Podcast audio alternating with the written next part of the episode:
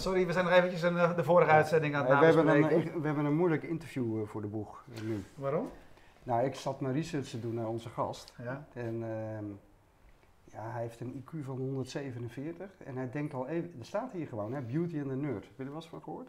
Heb je wel eens van gehoord, maar nooit gezien. Beauty and the Nerd, de 18-jarige Tijmen. Bij ons aanwezig in de studio, inmiddels geen 18 meer. Hij heeft een IQ van 147 en denkt al even snel als hij praat. In zijn redeneringen slaat hij altijd vijf stappen over. Hij studeert Japans omdat de Aziaten zo'n leuke tekenfilms maken. En volgt ook nog voor de lol astrofysici, astrofysiek en wiskunde. hij is een zenuwpees. Hij is stuntelig wanneer het gesprek niet over intellectuele zaken gaat. Over gewone dagelijkse dingen babbelen lukt hem namelijk niet. Nou, dat is gelul. Dat was misschien tien jaar geleden zo. Tien jaar geleden. Toch? Ben jij dit? Ja, dat ben ik. Dat is wel inderdaad tien jaar geleden. Dat is wel eh, in de tussentijd ietsjes gegroeid. Ik praat nog steeds even snel. Ik denk nog steeds even snel. Dat is niet veranderd in de loop van de tijd. Ja, gaaf man. ja mooi. Ja, het is mijn nostalgie om er even over terug te denken hoe dat was inderdaad. Ja, Ja. prachtig. Hey, bedankt voor de introductie. Fijn. Ja, je schiet er zo even in. Hè? Dat, ja, mooi. Hey, maar eh, wat doe je nu? Ja, ja heel, heel ander verhaal. Waarom zit je hier? Ja. ja, ik zit hier omdat ik, ik ben de CTO van Cypher. Ja. En, wij maken artificial intelligence software voor bedrijven in Nederland. Dat is wat we doen. En ja, volgens mij zocht hier iemand om te praten over artificial intelligence. Dus eh, Ja. Tada, hier ben ik. Interessante bedrijven in Amsterdam die zich bezighouden met dit soort onderwerpen. Dat, eh, Ja. ja, dat eh, trouwens niet alleen in Amsterdam, maar dat scheelt. Overal. ja. Maar Hey, maak dat eens concreet wat je doet. Je zegt eh, artificial intelligence is onze specialisatie. Vertel eens Ja. wat meer. Wat, eh, Ja. wat voor concrete eh, projecten doen jullie en hoe is dit eh, tot stand gekomen? Ja. Ja, heel veel vragen tegelijkertijd. Ja. Wat we eigenlijk zijn, is dat we we zijn een spin-off van de Universiteit van Amsterdam. En daar zit een hele goede professor genaamd Max Welling, die zit in ons bedrijf. En via hem hebben we eigenlijk toegang tot de meest recente nieuwe kennis op het gebied van AI. Hè? Direct uit de labs van Facebooks en Googles. En eigenlijk pakken we die technologie en zetten dat neer voor bedrijven in Nederland. Dus eh, als jij als bedrijf bijvoorbeeld een innovatief eh, project wil starten of je wil problemen oplossen, dingen in je bedrijf automatiseren met artificial intelligence, dan komen wij langs en dan maken wij het ook. Dus we praten er niet alleen over, we doen het ook echt. Voorbeeldjes, eh, misschien wel leuk. Eh, we zijn bijvoorbeeld nu bij Tata Steel bezig om ehm, zelflerende software in te zetten om oppervlakteinspectie te doen. Dus er worden heel veel staalplaten gemaakt, hele grote rollen. En onze software analyseert eigenlijk de miljoenen plaatjes die worden gemaakt van het oppervlak van het staal. Om te kijken wat voor fouten er dan op zitten. En ook waar dan die fouten vandaan komen in het productieproces. Nou, dat is bijvoorbeeld een van de voorbeelden die we doen. Maar we werken ook voor telco's, banken, we- projecten ook bij de ANWB.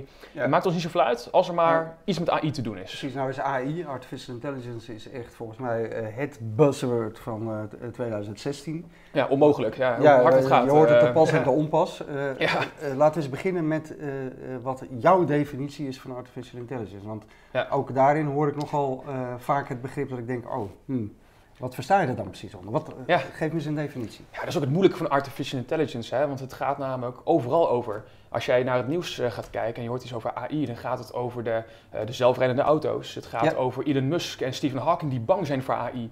Het Ja. gaat over ethische problemen en kwesties en de over Terminator. zelflerende Hè? computers, of over grote hoeveelheden data die geanalyseerd worden. Maar Nou, uiteindelijk, als je, als je het allemaal tot, tot, tot de kern bekijkt, hè, de kern is gewoon dat je een computer iets intelligents wil laten doen. En waarom doe je dat? Omdat je denkt dat ja, een bepaald proces kan automatiseren of dat de computer een bepaalde taak voor je over kan nemen. En dan komt artificial intelligence om de hoek kijken om eh, dat, dat te doen. That's it, zo simpel is Ja, het. maar iets intelligents, eh, kun je dat dan even proberen uit te leggen? Want simpelweg Ja. het analyseren van een groot pakket data en daar een conclusie uit trekken is niet per definitie iets intelligents. Nee, maar daar heb ik ook een hekel aan aan definitie, want dat is niet wat artificial intelligence is. Nee, maar omdat je net zei, je gaf net het voorbeeld van Ja. Tata Steel, weet je. Ja, maar het is wel heel veel Eh, data, dat wel. Gaat het dan omdat iets, een systeem zelflerend is? Ja. Of wat, wat onderscheidt dat dan van de gewone routinematige Ja. rekenklussen? Ja, dat is het grappige. Dus artificial intelligence gaat over de computer iets slims laten doen. En daarbinnen zit een vakgebiedje en dat heet machine learning. En dat gaat dan over het zelflerende aspect ervan. Dus het gaat erom dat een computer eigenlijk leert door voorbeelden eh, bepaalde problemen op te lossen. Wat ik eigenlijk altijd zeg, hè, als je een computer hebt, die kan je op verschillende manieren kan je die wat laten doen. Vroeger deden we altijd programmeren. Eh, programmeren is niet zo fijn, hè? want programmeren is wiskunde en logica. En de meeste mensen zijn niet zo wiskunde eh, technisch of logisch. Maar we maken wel gebruik van die devices elke dag. Is het nou niet veel makkelijker als de computer iets kan laten doen, door het gewoon door veel voorbeelden te laten zien, dat kan leren? Dat is machine learning. En dat zit ook eigenlijk achter alle ontwikkelingen op dit moment uh, die nu in het nieuws zit, uh, ziet van artificial intelligence. Hè. Dat is IBM Watson, uh, Google als AlphaGo die hier de Go-competities wint, zelfrijdende auto's. Allemaal machine learning. En eigenlijk hebben we het daarover als we het hebben over artificial intelligence. En jij vindt het woord intelligence eigenlijk slecht of niet? Ja, hoe, kom je, hoe weet je dat? Ah, nee, dat, dat deduceer je uit mijn... Uh... ja, dat gevoel heb ja. ik. Ja. Nee, dat klopt. Want eigenlijk het enige wat we doen zijn machines maken door machine learning die een bepaalde, hele complexe wel, hè, dat kan hij, kan plaatjes, teksten en alles kan analyseren, maar die complexe input pakken. Dan is er een mens die dat ook labelt en ook bekijkt en dan output aanhangt en die genereert dan die output. En als je maar genoeg voorbeelden, miljoenen voorbeelden van hetgeen laten zien wat je wilt dat de computer doet, dan gaat hij dat op een gegeven moment doen. Maar ja, dat is eigenlijk gewoon een simpel trucje wat we doen. Er zit eigenlijk weinig intelligentie in. Mhm. Ja, als je nadenkt over intelligentie in onze zin, dan gaat het over uh, moeilijke boeken schrijven, het gaat over Ja, creativiteit, maar dat is waarschijnlijk ook de verwarring die ontstaat. Hè? Dat is de verwarring. Ja. Want als, als ik erover nadenk, en ik leg het ook vaak in mijn presentaties uit, ik heb veel liever dat mensen het hebben over zelflerende software tools dan artificial intelligence. Want dat beschrijft veel beter wat het doet. Het, het is eh, zelflerend, omdat het leert aan de hand van voorbeelden. Dus Mhm. jij zou straks een systeem kunnen leren om een taak van je over te nemen.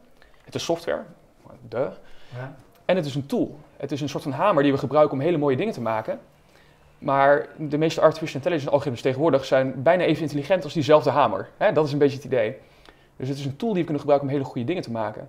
Maar als jij zegt artificial intelligence, dan roep je zoveel connotaties op van de Terminator die de wereld over gaat nemen. Eh, je krijgt eh, nieuwsberichten over dat eh, we de, de AI uit Heur binnenkort over een jaar in ons leven gaan Ja. krijgen. En dat is klinkklare onzin. Laten, laten we nog eens even heel concreet maken. Ja. Een van jullie klanten is ook de ANWB, de Wegenwacht. Daar Die, hel- die helpen jullie, zo, zo begreep ik het tenminste op de site, met het beter inplannen van hun materieel en mensen om Ja. beter te kunnen anticiperen op weggevallen.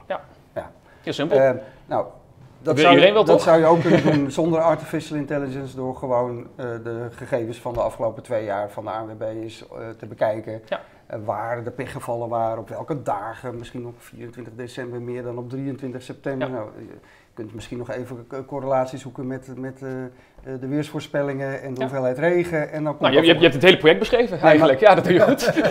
Nee, maar dat is toch helemaal niet zo ingewikkeld? Nee, dat, dat klinkt niet zo heel erg ingewikkeld. En je kan het ook op een sim- simpele manier oplossen. Maar als je echt goede performance wil hebben, en je wil van veel meer factoren gebruik kunnen maken. Dus je wil ook bijvoorbeeld eh, vakantiedagen en dan daarvan voorspellen. En je wil weten wanneer de Duitse feestdagen zijn. Want er komen heel veel Duitsers die gaan over de grens eh, in, Ja, de, in de, in de hebben feest- allemaal feestdagen naar Scheveningen en zo. Die hebben ook wel eens pech, weet je. Ja. Dus eh, om van al die data sens te kunnen maken, is het wel handig als je een computer hebt die dat doet. Hè, een beetje hetzelfde als een zoekmachine. We gebruiken zoekmachines om Ja, maar dan te maken meer- grote hoeveelheid Dan is data. het meer dat je rekenkracht nodig hebt vanwege de grote hoeveelheid data, dan dat Ja. dat te maken zou, dan, dan dat er eh, toch daadwerkelijk het zelf leren en het... eh, Ja, eh, klopt. Ja, maar dat, aan dat, te de, grap is zeg maar dat het zelfleren dus eigenlijk alleen maar applicable is voor, voor eh, eh, de mensen die de algoritmes maken. Ja. Dus het, het verschil dat we vroeger hadden van programmeren met machine learning nu, het enige verschil is dat de mensen die de algoritmes maken minder programmeren en meer met, met voorbeelden het algoritme kunnen trainen. Ja, ja. En waar ik nou denk, En die voorbeelden zijn, Ja. die, die moeten altijd door mensen geduid worden. Hè? Ja, eigenlijk wel, Eh, ja. Dus je leert Ja. een computer interpreteren. Dat is wat je doet. Mm, Ja, in een zekere zin. Maar in sommige gevallen, bijvoorbeeld bij de ANWB, dan kijk je gewoon naar de historische pechgevallen die ontstaan zijn. Hè. Dat kan natuurlijk ook. Ja. Maar waar jij nou eigenlijk, eigenlijk naartoe wil, denk ik, is dat op een gegeven Ja, moment... ik denk dat voor, voor Ja, ik denk, ja, dat is handig. Ja, dat doe ik altijd. Ja, ja, ja. Wat je eigenlijk, wat jij eigenlijk bedoelt, Er zit iets achter de vraag, volgens mij, wat jij bedoelt. de vraag die jij eigenlijk wil stellen is... Ja, nee, Volgens mij hoe- is dat hoe de meeste politici antwoorden op vragen, toch? Dat is, eh, Ja, Ja, je, bent, je bent behoorlijk zelflerend. Ja. nee, maar volgens mij eh, gaat het hier over... De, de mensen die algoritmes maken, die gebruik, maken gebruik van het zelflerende. Maar het is nog niet mogelijk voor jou om zijn computer iets te leren. Ja. En persoonlijk denk ik dat daar in de komende 10, 20 jaar heel veel verandering in gaat komen. Dus ik denk dat we op een gegeven moment, iedereen die hier naar luistert, iedereen, jullie ook, gaan op een gegeven moment de computer leren om eh, repetitieve, stomme taken waar je weinig creativiteit en intelligentie voor nodig hebt, om die automatisch voor je te doen. Dat is wat ik denk dat er gaat gebeuren. En Dat is dat is eigenlijk wat, wat, kracht. je, wat je steeds met technologie hebt zien gebeuren. Dat uiteindelijk het democratiseert en het voor iedereen beschikbaar komt. Dat zie Ja. eigenlijk hier ook volgens Ja, ja, ja. ja, ja. Ik denk dat, eh, dat in de komende 20 jaar eh, AI even breed verspreid gaat zijn en gebruikt als het internet. Hè, wat was het internet 20 jaar geleden? Eh, toen had niemand een webpage. De enige mensen die webpages hadden waren de grote techbedrijven en de grote bedrijven aan zich die gewoon geld in konden steken. En die kleine roodharige buurjongetjes die HTML konden toevallig, die konden programmeren. Ja. Nou, Wat gebeurde er? Facebook, Blogger, eh, allemaal van dat soort websites. En die stelden mensen in staat om zelf content te maken. En toen explodeerde het. Hè? Toen kreeg je opeens Wikipedia die tien keer groter werd dan, eh, dan eh, de grootste encyclopedie daarvoor. Ja. En ik denk eigenlijk met AI gaat hetzelfde gebeuren. Als we straks iedereen in Ja. staat stellen om zelf robots of computers te leren taken te doen, ja, dan gaat het veel wijdverspreider zijn dan dat het nu is. Ja, hey, toch nog even heel concreet. Jij vroeg net waarom hebben jullie die computers eigenlijk voor je staan? Nou, Ja. we krijgen soms vragen op Twitter. Eh, wat, wat minder vaak dan vroeger, dus daar zien we aan dat Twitter wat minder populair is. Ja, ja, ja. We moeten binnenkort eens naar een ander platform misschien. Facebook, Eh, maar goed, Herm, Instagram. ja, Facebook heb je Ja, dus gewoon- niks aan. Kunnen we met Instagram gewoon 30 eh, Instagrams per seconde? Ja. Want, want de tijdlijn van Facebook, eh, die is voor iedereen anders. Ja, oké, dat eh, helpt dus je- niet. Je hebt Ja. nooit die... eh, Die connectie. Nou die goed. connectie. De vraag. Herm van der Beek, die, eh, eh, die vraagt wat, eh, even terug naar Tata, Tata voorbeeld, wat artificial intelligence voor Tata nu anders is dan dat andere buzzword big data. Ja, big data daar heb ik echt een, een hekel aan. Big data, dat, dat is, eh, we, we mappen alle data op een server ergens, we noemen ze dan een data lake of whatever. Ja? En, en dan laten we de AI-algoritmes oplossen, die gaan dan magisch daar verbanden in dingen doen. Ik, ik vind dat een Maar afgrijzelijke wat, wat onder, waarin onderscheidt eh, wat jullie doen zich daar dan van? Wij wij eh, doen hele concrete dingen. Dus wij, wij beloven niet van je kan straks heel veel doen met de data, maar wij identificeren projecten die daadwerkelijk wat opleveren voor je bedrijf. En als het niks oplevert eh, aan het einde, dan gaan we dat ook niet doen. En eigenlijk moet je daarmee beginnen, voordat je begint met alle dure servers, het bijverzamelen van alle data en, en, en dat verhaal. Want, wat, want als je dat doet voordat je de problemen op gaat lossen, dan krijg je altijd een mismatch tussen hetgeen wat je wilt doen en de data die je verzamelt. Ja. En dat zie ik heel vaak bij bedrijven die zeggen, Tijmen, consultancyfirms hebben ons verteld, yo, je moet gewoon eh, nu al beginnen met eh, die data-strategie inrichten en daar allemaal mee beginnen. En dan kan je later daar de vruchten van, van, van, van, van eh, plukken en, en opeten. Ik weet niet of dat een, eh, een, een gezegde is. Die pluk in ieder geval wel. Pluk in ieder geval wel, dat opeten, dat, eh, dat gebeurt in mijn hoofd. Maar ik zeg zo, draai dat nou eens om. Begin nou eens een keer met de cases en hetgeen wat je wil doen. Hè, kijk naar de repetitieve dingen die gebeuren in je organisatie. Kijk naar eh, hoe je dat misschien eh, zou, zou kunnen automatiseren of de mensen die het doen erin zou kunnen helpen eh, hè, om dat proces te verbeteren. Werk van daaruit en ga dan de data door verzamelen. Dat zou ik doen. Ja. En bij Tata Steel precies hetzelfde. Wat wij aan het doen zijn is eh, de mensen daar in staat stellen eh, om het algoritme eh, te leren die oppervlakteinspectie te doen. Dus er zitten daar mensen met het algoritme te interacteren om het beter te maken. Ja. Dat is briljant, dat is Hey, veel beter. jullie zijn een, eh, een spin-out van de Universiteit van Amsterdam, Ja. eh, faculteit wiskunde informatica neem ik aan. Ja, ja, eh, jullie zitten ook nog steeds hè, op het Science Park. ja zeker. Ja, Ja. Dus het IVI is Instituut van Informatica en daarbinnen zit ook weer een hele vakgroep Machine Learning, Artificial Intelligence onder leiding van Max Welling. Ja.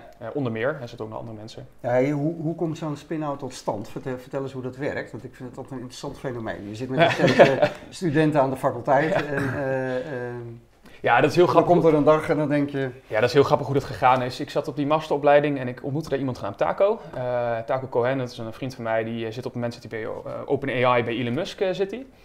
Ehm, en die ontmoette hem. wat. Ja. En wij dachten meteen van, joh, wij moeten de wereld veranderen met artificial intelligence. Want wij denken dat de potentie huge gaat zijn. Heel vaak over gepraat, biertjes gehad, et cetera. En toen dachten wij, joh, laten wij een bedrijf beginnen. Begonnen, niks mee gedaan. En na een jaar kwam er een competitie bij de ING. Dus die door onze nieuwe CEO Jurgen Sandig is georganiseerd. En eh, die kende Max, die kende Max Welling. Ja. Die zei van, nou, we hebben Accenture, we hebben IBM, we hebben SAS, die doen allemaal mee in de competitie. We moesten eh, voorspellen wie er op de website ging klikken. Nou, ik ken ook nog wel Max Welling, die kan er wat doen. Nou, die professor gaat zelf niet programmeren, dus die vroeg eh, Taco en mij om dat te doen. Competitie gedaan, glorieus gewonnen.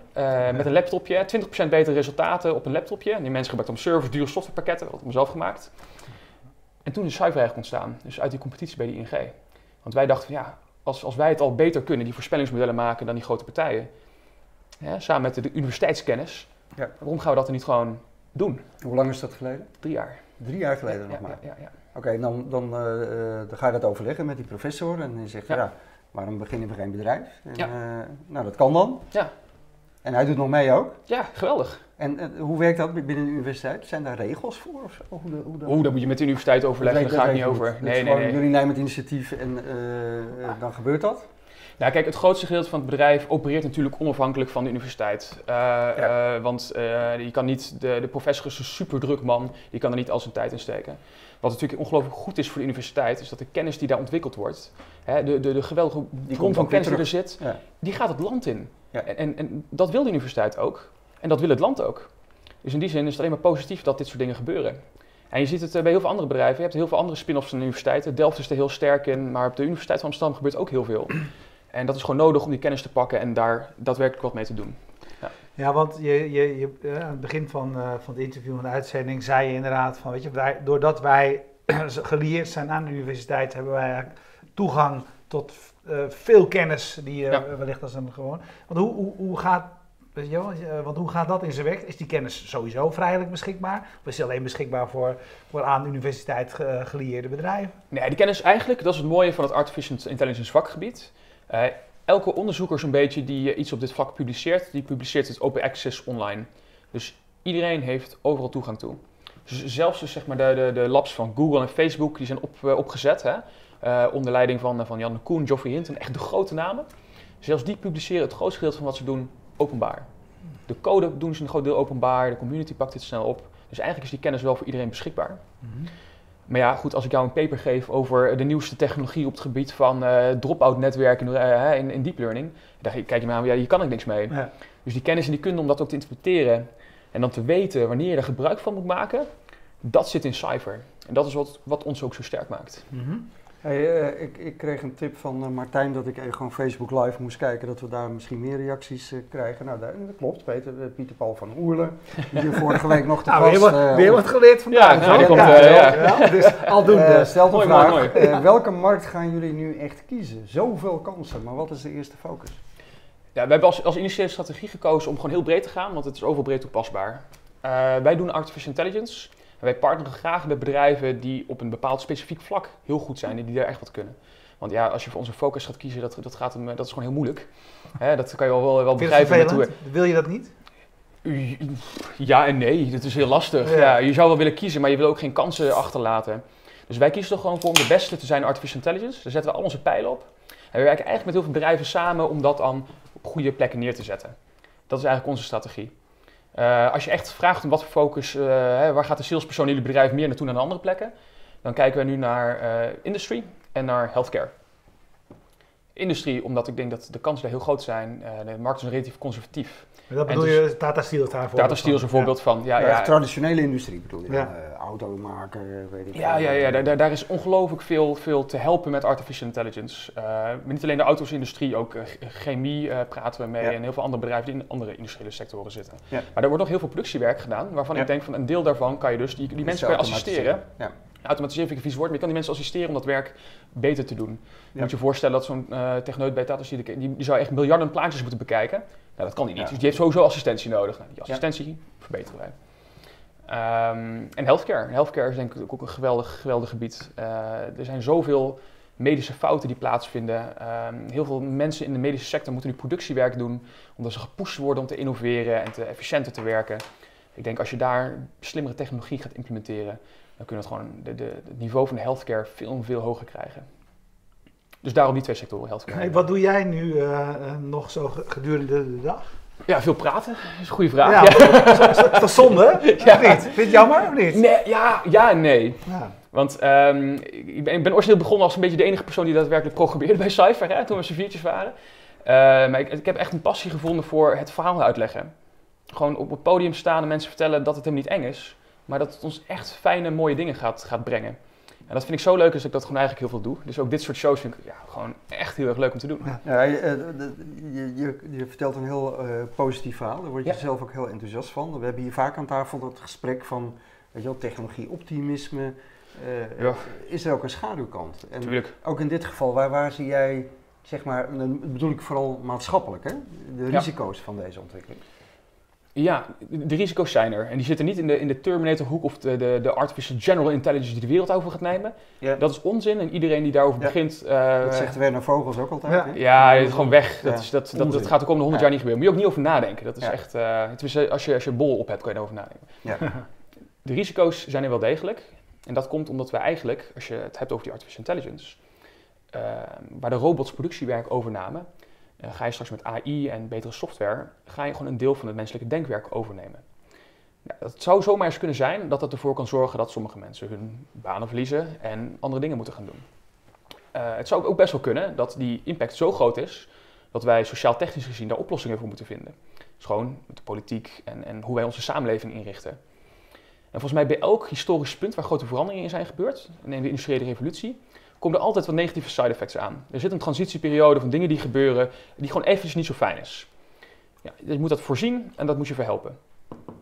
Dat is wat ik denk. Maar ik denk dat dat mogelijk is. En als je dat doet, dan denk ik dat onze samenleving er een stuk leuker uit gaat zien. Maar dat is de schaduwkant, hè? Eh, mensen eh, kunnen misschien een, een deel van baan verliezen, wie weet. Ik weet het niet, maar die kant Ja. is er. Is dat iets waar jullie over praten als, als eh, bedrijf die opereert in zo'n in zo'n sector? Of, of heb je zoiets, ja. Weet je, dat is niet aan ons om daar eh, eh, eh, dat soort dingen op te lossen? Nou, eigenlijk overal waar kom, opper ik wel voor, voor oplossingen om daarover na te denken. Eh, ik ben natuurlijk zelf meer een academicus. En de mensen in Ja. ons bedrijf zijn meer academici. Dus we zijn niet de politici eh, die daar, die daar eh, nu de macht voor hebben om daar een ei over te leggen. Nee, maar, ik, Maar ik- ik- ik kom maar wat- overal- waarom ik het ook vraag, Ja. kijk, ik denk dat, dat, dat mensen zoals jij veel beter in staat zijn dan de, Om te overzien. dan de, ge- de gemiddelde politicus om in te Ja. schatten wat de impact gaat worden van wat jullie aan het doen zijn. Ja, kijk, als, als er nu politici zijn die zeggen van... En- yo, ik, ik wil hier meer van afweten en ook wat de impact ervan gaat zijn... dan stel ik mezelf altijd beschikbaar om erover te praten. Want ik vind het ongelooflijk belangrijk dat die, dat die eh, impactkant van het verhaal ook goed geanalyseerd wordt. Dus ik wil er graag over meepraten. Ja. En overal waar ik kom, maar die vraag ook gesteld wordt, praat ik daar ook over, over mee. Nee, maar dat is natuurlijk, hè, als we het toch even over politiek hebben, dat is natuurlijk echt wel een, een probleem. Hè? Die, eh, al die politici die in de Tweede Kamer zitten, die hebben wel één of twee mensen die ze nog een klein beetje helpen. En ze moeten over, gaan over verschillende portefeuilles. Ja. Eh, Ja. Ze moeten ook nog de discussies vo- voeren de hele dag. Ja, die Zo, die overwerkt in eh, zin. ja, ja, ja. maar blijft dan, zo, blijft dan zo op het niveau steken dat, dat dan eh, iemand roept van ja, eh, de robots nemen het werk over. Weet je? En dat, dat is Ja, dan een dat is statement. Het is te makkelijk. en, en, daar gaan, makkelijk. en daar gaan mensen zich dan zorgen over Ja, maken. en je kan er ook Eh, niks mee. Je, je maar je kan, niks er, aan. je kan er Nee. ook niks mee. En zo simpel is het natuurlijk ook niet. Nee, en het is ook heel Ja. moeilijk te overzien in welk tempo dat gaat gebeuren en Ja. hoe dat eruit gaat zien, et cetera. en dat overzien wij natuurlijk een beetje beter, omdat wij gewoon in die industrie zitten.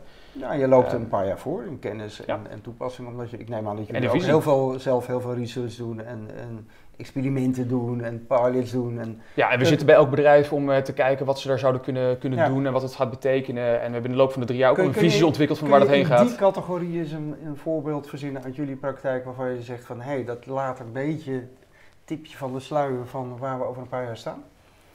Ja, het is heel moeilijk, want het, het duurt heel echt, het gaat echt nog wel een tijdje duren voordat het echt zulke harde impact gaat Ja, hebben. Projecten wat jij heel interessant vindt, waar je echt zeg maar, intellectueel helemaal door eh, getriggerd wordt. Helemaal door echt van denk van, eh, Wow. ja. ja, op, op healthcare vlak. Ja. Dus we zijn bezig om eh, dus eh, eh, eh, scans van radiologen, dus radiologen bekijken scans. Ja. En die analyseren dan, die geven daar een soort van waardeoordeel Dan aan. ga je Dus geautomatiseerd eh pluis, niet pluis. Ja. Ja. Ja. En da- daar kan je dus eigenlijk aftappen waar die radioloog naar kijkt. Eh, of, of een oogspecialist, maakt niet uit. Hè. Iemand die kijkt naar moeilijke plaatjes. Ja. En die hangt dan een bepaald waardeoordeel aan. Als je die twee nou opslaat, dan kan je dus eigenlijk minder kunnen wat die radioloog zegt. Ja. En dat betekent dus dat een groot deel van dat werk misschien op een gegeven moment automatisch gaat. Ja. Een groot deel als in zijnde de plaatjes die saai zijn om te analyseren, die de radioloog meteen ziet en, eh, en waarvan hij zelf ook denkt van ja, waarom, waarom kijk ik hier überhaupt nog aan? Waarom leert die computer niet van mijn, van mijn oordeel? Ja, maar dat is ook een mooie case, hè? want Ja. die, die is, eh, heb ik, hebben wij op Zuid bij Zuidwest ook, ook al eh, Ja. is, is gehoord. Ja. Van als je alleen maar probeert te verzinnen dat, dat je dat geautomatiseerd zou kunnen doen. En je hebt gelijk het complete archief Ja. van eh tig miljard mensen tot je beschikking. Ja. Waardoor je ook in de geschiedenis kunt gaan kijken Ja. dat bij die foto inderdaad, eh, weet je wel, met, met Ja. wijsheid achteraf. Ja, dat gaat het hele medisch onderzoek veranderen, toch? Dat Ja. is eigenlijk waar het over gaat. Ja. Ja. Maar Maar, de- Maar, de- maar de- jij ja. zegt ook, jullie zijn daarmee bezig met dit soort projecten.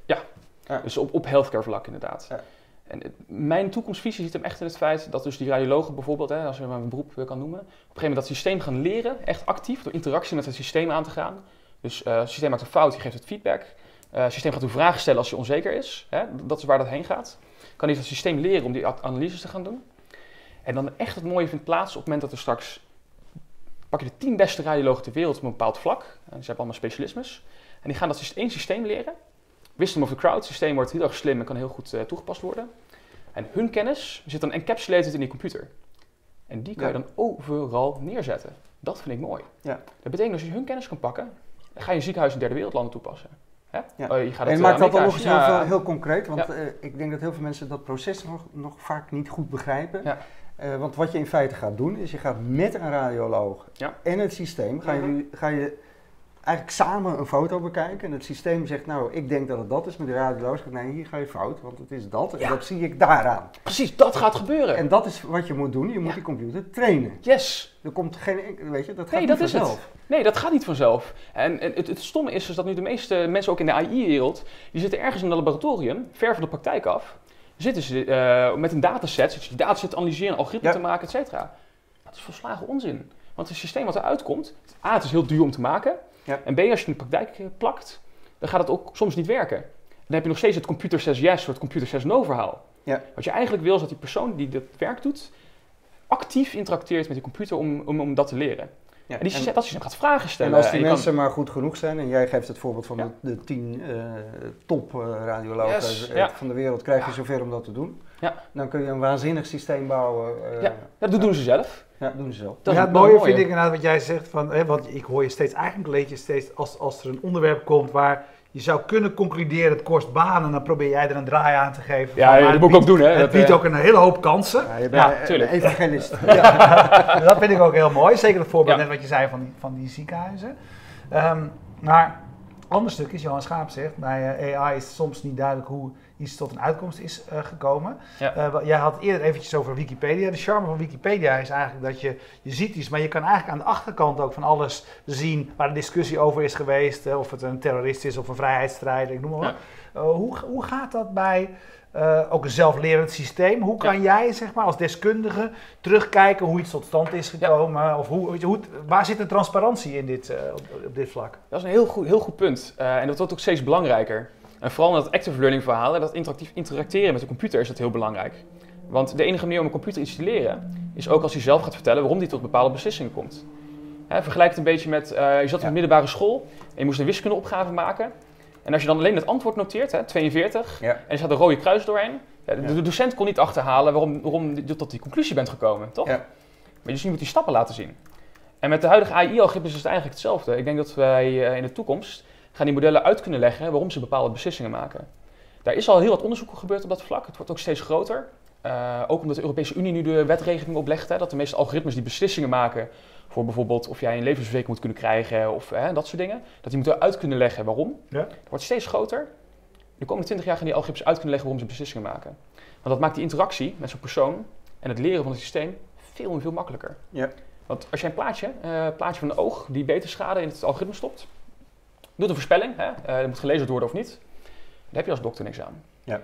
Want als je een foute voorspelling Ja, je maakt, weet je niet waarom. Je wil Ja. kunnen controleren of de Ja. redenering klopt. Waar in het Ja. plaatje zit nou Ja. het, het probleem wat het algoritme ziet. Ja. En als je dat kan laten zien, dan legt het algoritme eigenlijk uit waarom die die beslissing maakt. Ja. Ja, want vertrouwen is dan ook een... eh, een Hey, onderwerp. Je moet het kunnen vertrouwen. En het mooie is ook van wat die, met die Wikipedia terug kunnen lezen wat de discussies is geweest. Eigenlijk gaat het bij die AI-algoritmes om de voorbeelden. Hè? Mensen labelen de voorbeelden, de input en de output. Die zitten in een database. Je kan die terugkijken en daaruit kan je concluderen waarom een algoritme ook een bepaalde voorspelling maakt. Dus alle kennis zit eigenlijk in die dataset met voorbeelden. Maar, Hey, in, in, eh, eh, we- eh, weet je wel, dat wordt, eh, vaak denken wij dat dit soort kennis en de beste mensen op dit gebied eh, eh, toch ergens aan de westkust van in, in Amerika zitten. Er zitten er ook heel veel, zeker Eh, weten. er ook heel veel. Eh, hoe verhoudt jullie bedrijf zich qua eh, kennisniveau tot wat daar in Amerika gebeurt? Zitten op hetzelfde niveau. We lezen Ja. dezelfde artikelen, we, we begrijpen de techniek perfect. Ja. Eh, de mensen die in ons bedrijf zitten, die, die hebben gewoon heel erg goed verstand van wat er, wat er mogelijk is en wat er niet mogelijk is. Mede ook dankzij professor Max Welling natuurlijk. Ja, die nou ook, Ja. natuurlijk ook in Amerika graag gezien. eh, eh, Zeker weten, ja, dat is een van de... Ik denk dat die in Amerika bekender is dan in Nederland. Ze hebben daar toch maar iets Ja. meer een soort van fandom van, van professoren dan dat we hier hebben. Eh, Ja. ja. Ja. Nee, qua kennis eh, hetzelfde niveau. Ja. Dat is ook het mooie van met ons samenwerken, want je krijgt eigenlijk die kennis uit die, uit die labs daar, gewoon hier in Nederland. Ja, werken jullie ook samen met, met eh, andere topbedrijven of universiteiten eh, wereldwijd? Eh, met, met, eh, met meerdere instanties. En we hebben ook eh, gewoon vrienden en kennissen in de andere universiteiten en, en, en, dergelijke lopen. Het is natuurlijk wel altijd een probleem dat als je, als je goede kennis hebt die in een ander bedrijf zitten, dat ze niet alle kennis mogen delen, et cetera. Ja. Eh, maar we hebben wel gewoon ook in Nederland een groot netwerk van artificial intelligence bedrijven of mensen die ermee bezig zijn. Ja, het is wel Eh, waar we vaak mee praten. hè, of niet? Het wordt wat groter dan voorheen, zeker weten. Ja, we hebben een, Ja. een tijdje een dipje gehad van 20 jaar, eh, niks met AI en nu is het opeens uh, hoepakee, interessant, want Marco Derksen zegt, die voorbeelden die nu worden geschetst, Ja. die zijn niet nieuw. Daar werd in de jaren negentig al over gesproken. Tuurlijk, ja. Ehm, maar goed, jij zegt, de dip is geweest. En ik antwoordde hem, nou ja, maar misschien is er dan, dan nu praktijk. Maar zijn volgende vraag is misschien interessanter. Hij zegt, wat is er op dit moment, wat is er nu echt nieuw? Ja. Quantum AI, snelle computers, waar gaat het heen? Oh joh, Quantum AI wil ik er nog even niet over hebben. Dat was misschien Waarom over... ja joh, Quantum, dat, eh, dat, zijn gewoon twee buzzwords tegen elkaar plakken en kijken wat eruit komt. Eh, ik denk dat... dat eh, misschien moet je iets kortere termijn bekijken. dat is misschien wat interessanter. Ehm, wat is er anders dan 20 jaar geleden? Dat is een hele goede vraag. En eigenlijk wat er anders is, is iets genaamd deep learning. En deep learning is het maken van een soort van grote neurale netwerken. geïnspireerd hoe wij in 1960 dachten dat de menselijke hersenen werkten. Dat is het helemaal niet meer zo, heel andere modellen, maar goed, dat is het model wat we gebruiken. Dus we programmeren eigenlijk een beetje dat model in de computer. En wat die doen, is dat zij ons in staat stellen om dat machine learning, hè, dat leren van data, mogelijk te maken voor veel en veel complexere data.